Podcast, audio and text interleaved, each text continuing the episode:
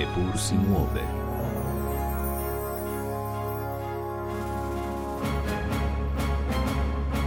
In vendar se vrti.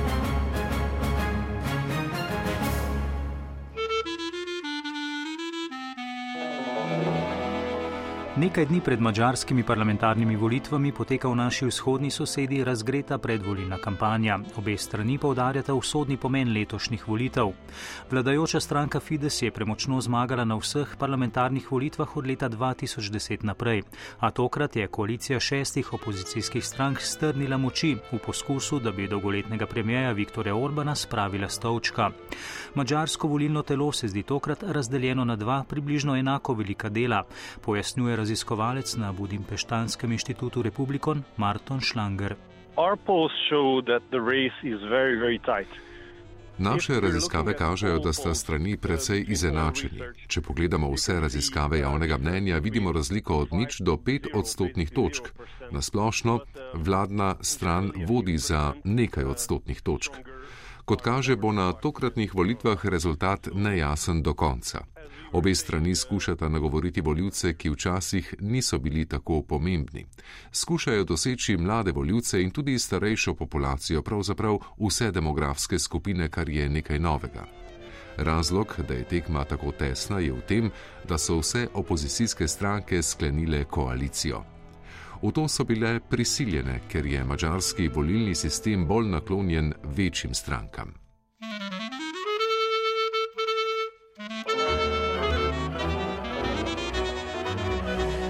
Viktor Orban si je verjetno predstavljal, da bo zlahka osvojil tudi tokratne parlamentarne volitve. Že 12 let je na oblasti in v tem času se je življenjski standard Mačarov precej izboljšal.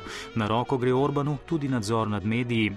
Ruski vojaški napad na Ukrajino mu je prekrižal načrte. Mačarska še vedno uvaža veliko večino energentov iz Rusije, pojasnjuje profesor ekonomije na Zahodno-Mačarski univerzi Zoltan Pogača. All of our oil and all of our nuclear fuel from Russia. Mačarska uvaža skoraj ves plin, vso nafto in vse jedrsko gorivo iz Rusije. V Evropski uniji ni države, ki bi bila bolj odvisna od Rusije glede energentov.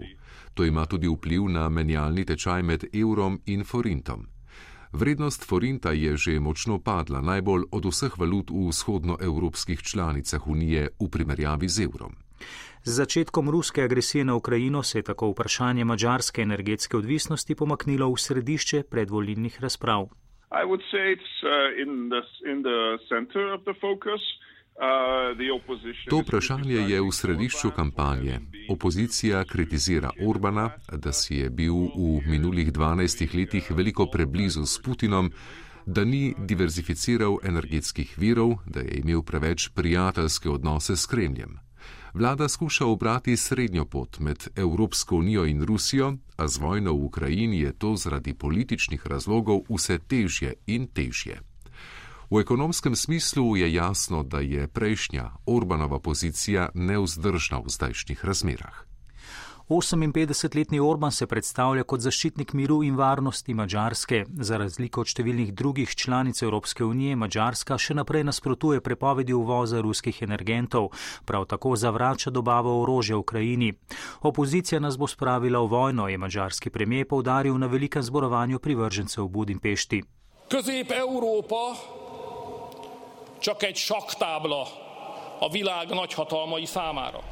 Srednja Evropa je zgolj šahovska deska za igranje velikih sil in za njih je tudi Mačarska zgolj šahovska figura. Ena od teh sil nas vedno skuša potisniti na prve frontne linije in če nismo dovolj močni, nas celo žrtvujejo.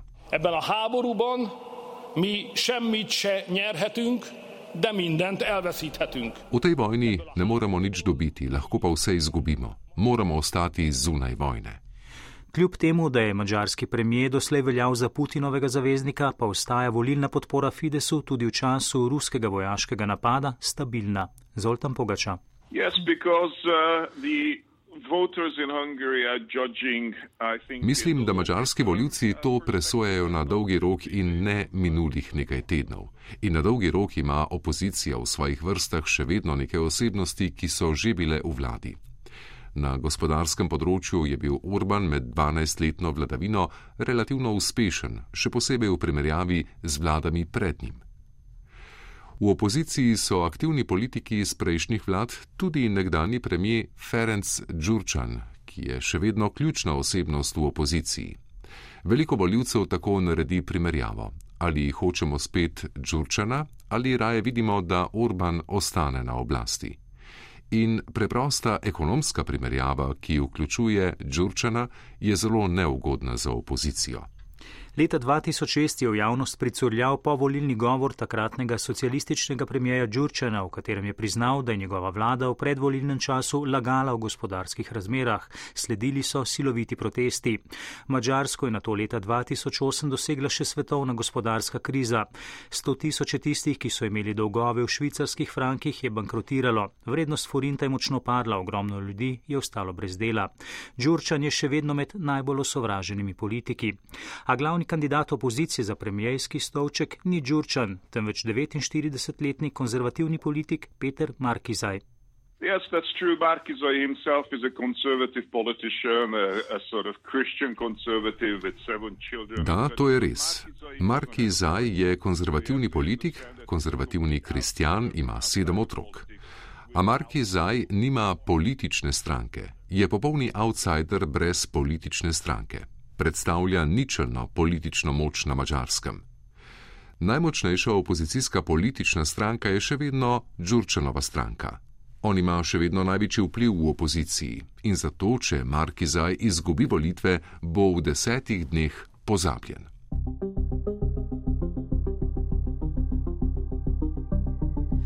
Marki Zaj v primeru zmage na parlamentarnih volitvah napoveduje boljše odnose z Brusljem, podpira tudi uvedbo skupne evropske valute na mačarskem. Orbán Viktor az Putin vagy eh, Kína vagy eh, Törökország irányába vette. Viktor Orbán se je obrnil proti Putinu, Kitajski in Turčiji in ne zastopa več evropskih vrednot. To se mora spremeniti. Želimo biti lojalni člani Evropske unije in Zveze NATO. 80 odstotkov Mačarov bi glasovalo za to, da ostanemo člani Evropske unije. Poleg tega so za nas zelo pomembne vrednote, kot so evropska integracija, demokracija in tržna ekonomija. Tudi splošnega blagostanja si ne predstavljamo brez teh vrednot. Predvsem pa bi radi izkorenili korupcijo. Boj proti korupciji je poleg Orbanovega zavezništva s Putinom in odvisnosti od Rusije v ospredju opozicijske predvoljine kampanje. Krok ljudi blizu Orbana si je nagrmadil ogromno bogatstvo, a podpornikov Fidesa to ne moti, pojasnjuje raziskovalec Marton Schlanger. The voters, they don't think that corruption is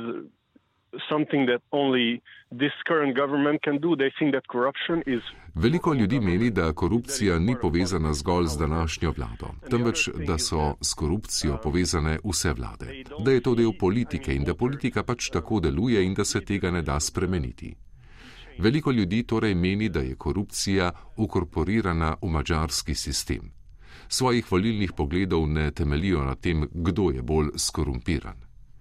Po naših ugotovitvah se večina zaveda, da je korupcija dobila zagon po letu 2010, ko je Viktor Orban prišel na oblast.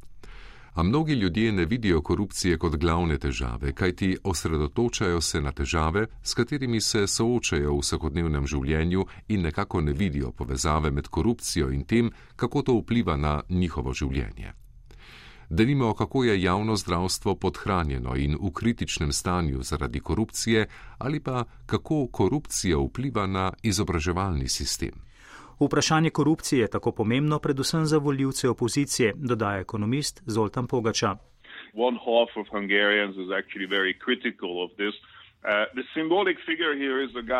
to pomeni, da je polovica Mačarov kritična do pojava korupcije. Simbolna figura tukaj je Lerinc Mesaroš. To je oseba, ki je bil pred 12 leti popravljalec plinske napeljave brez ficka v žepu. Slučajno pa je bil Orbanov otroški prijatelj in zdaj je Lerinc Mesaroš najbogatejši mačar. To mu je uspelo v 12 letih. Če vprašate voljivce Fidesa, vam bodo povedali, da je vsaj mačar. Lastništvo je v domačih rokah. Naveličani so bili tega, da so bile posebej nemške multinacionalke lastnice mačarskega bogatstva, podjetij, zato pravijo zdaj Dobro, Mesaroš je oligarh, a je vsaj mačarski oligarh. Opozicijski voljivci pa so seveda zelo kritični do tega. Še en vidik mačarskega razumevanja korupcije in oligarhov pa dodaja novinar konzervativnega političnega tednika Mandiner Tamas Maraci. You need to understand that the most important is the economy, I think, not the ideology or the foreign policy. Morate razumeti, da je za voljivce najpomembnejša ekonomija, ne pa ideologija ali pa zunanja politika. Ljudje vidijo, da je bilo v minulih 12 letih obnovljenih veliko mestnih središč in infrastrukture. Ljudje seveda vidijo tudi novice o korupciji in oligarhih, ki so postali nesramno bogati.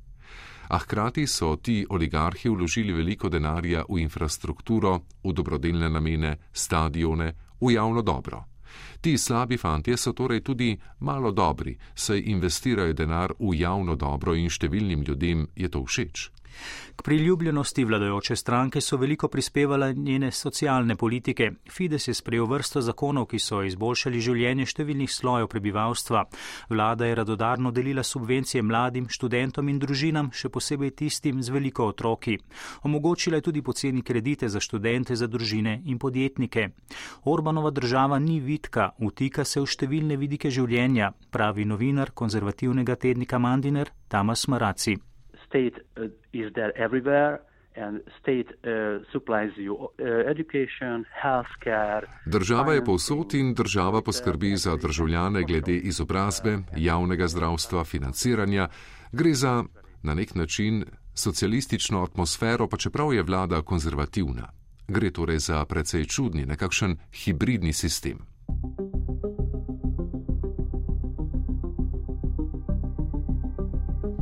Orbanova Mačarska je že dolgo nekakšna črna ovca v Evropski uniji. Evropske ustanove stalno opozarjajo na stanje vladavine prava, na pritiske na medije in podrejeno sodstvo. Kako pa na to gleda mačarska javnost? Raziskovalec Martin Schlanger. These things are important for the election uh, campaign and important to voters who are more aware of this fact. Ta vprašanja so pomembna v volilni kampanji, pomembna so za tiste voljivce, ki se najbolj zavedajo teh težav. A predvolilna kampanja se odvija na dveh popolnoma ločenih platformah in samo opoziciji je mar za te stvari. Seveda, kajti vladna stran je upletena v ta vprašanja. A te informacije ne pridejo do neodločenih voljivcev, ti imajo ponavadi slabši dostop do informacij. Tudi če se skuša opozicija prebiti s temi temami, za nje ni dovolj zanimanja, kot bi ga bilo denimo na Zahodu. Kot pravi novinar Tamas Maraci, je med mediji, ki nagovarjajo voljivce Fidesa oziroma opozicije, globok prepad. Gre za dva različna svetova. Posebej problematična pa je popolna podrejenost javnih medijev vladajoči stranki. It's not a public TV, but a state TV, and you know the difference. Not, it doesn't serve 10 million all of the Hungarian. Javna televizija ni več javna, temveč je postala državna televizija, se poznate razliko. Ne služi interesu desetih milijonov Mačarov, torej vseh državljanov, temveč je postala državna televizija. Vladna politika do javnih medijev je zelo slaba. Vlada se je odločila za napačno pot. Javni mediji bi morali ostati javni in ne državna propaganda. Nažalost sta javna televizija in radio močno pod vladnim vplivom in predvajata le vladna stališča, ne pa tudi opozicijskih. To pomeni, da je ena stran v veliko bolj neugodnem položaju.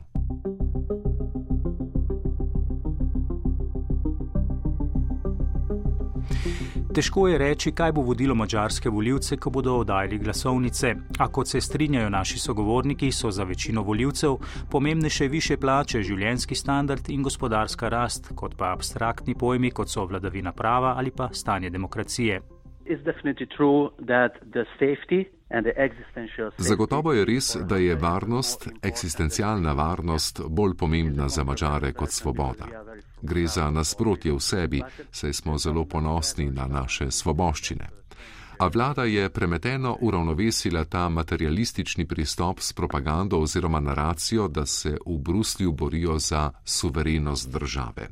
Voljivci Fidesa torej vidijo, da nam gre ekonomsko dobro, eksistenca je zagotovljena in vlada se v Bruslju bori za naše pravice, za našo suverenost. Nočejo se preveč opreti na Evropsko unijo, biti odvisni od nje, nočejo federalne Evropske unije. Vlada se torej predstavlja kot borec za mačarske pravice. Torej, če tudi se Mačari nekoliko odrečejo svojim svoboščinam, čutijo, da se vlada bori za njihove svoboščine, pravice. Na obzorju so gospodarske težave, a po mnenju ekonomista Pogače tudi to verjetno ne bo omajalo podpore vladajoči stranki. We do have, we are quite likely to have double digit inflation soon, uh, with the energy prices rising and everything. Verjetno bomo kmalo imeli dvomestno inflacijo. Cene energentov in drugih stvari se višajo. Gre za pomembno vprašanje, ali ljudje to vidijo kot mednarodni problem. Zato je po njihovem mnenju kriv globalizirani svet s COVID-om in vojno v Ukrajini. Ta težava ni nastala na mačarskem in Orban se po mnenju podpornikov trudi rešiti težave. Določil je najvišje cene goriva in tudi nekaterih osnovnih dobrin. Vidijo ga kot nekoga, ki skuša zaščititi mačare pred posledicami inflacije. Opozicijski voljivci pa so seveda precej kritični do njega.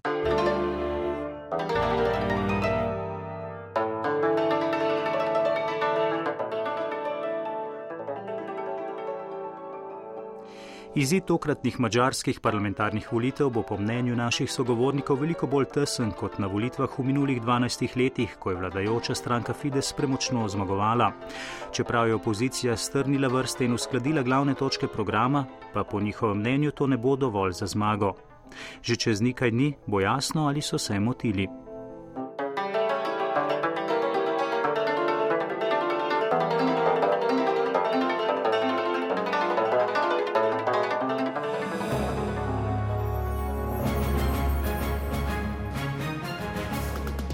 To je bila redna tedenska oddaja zunanje političnega uredništva Epur si muove in vendar se vrti.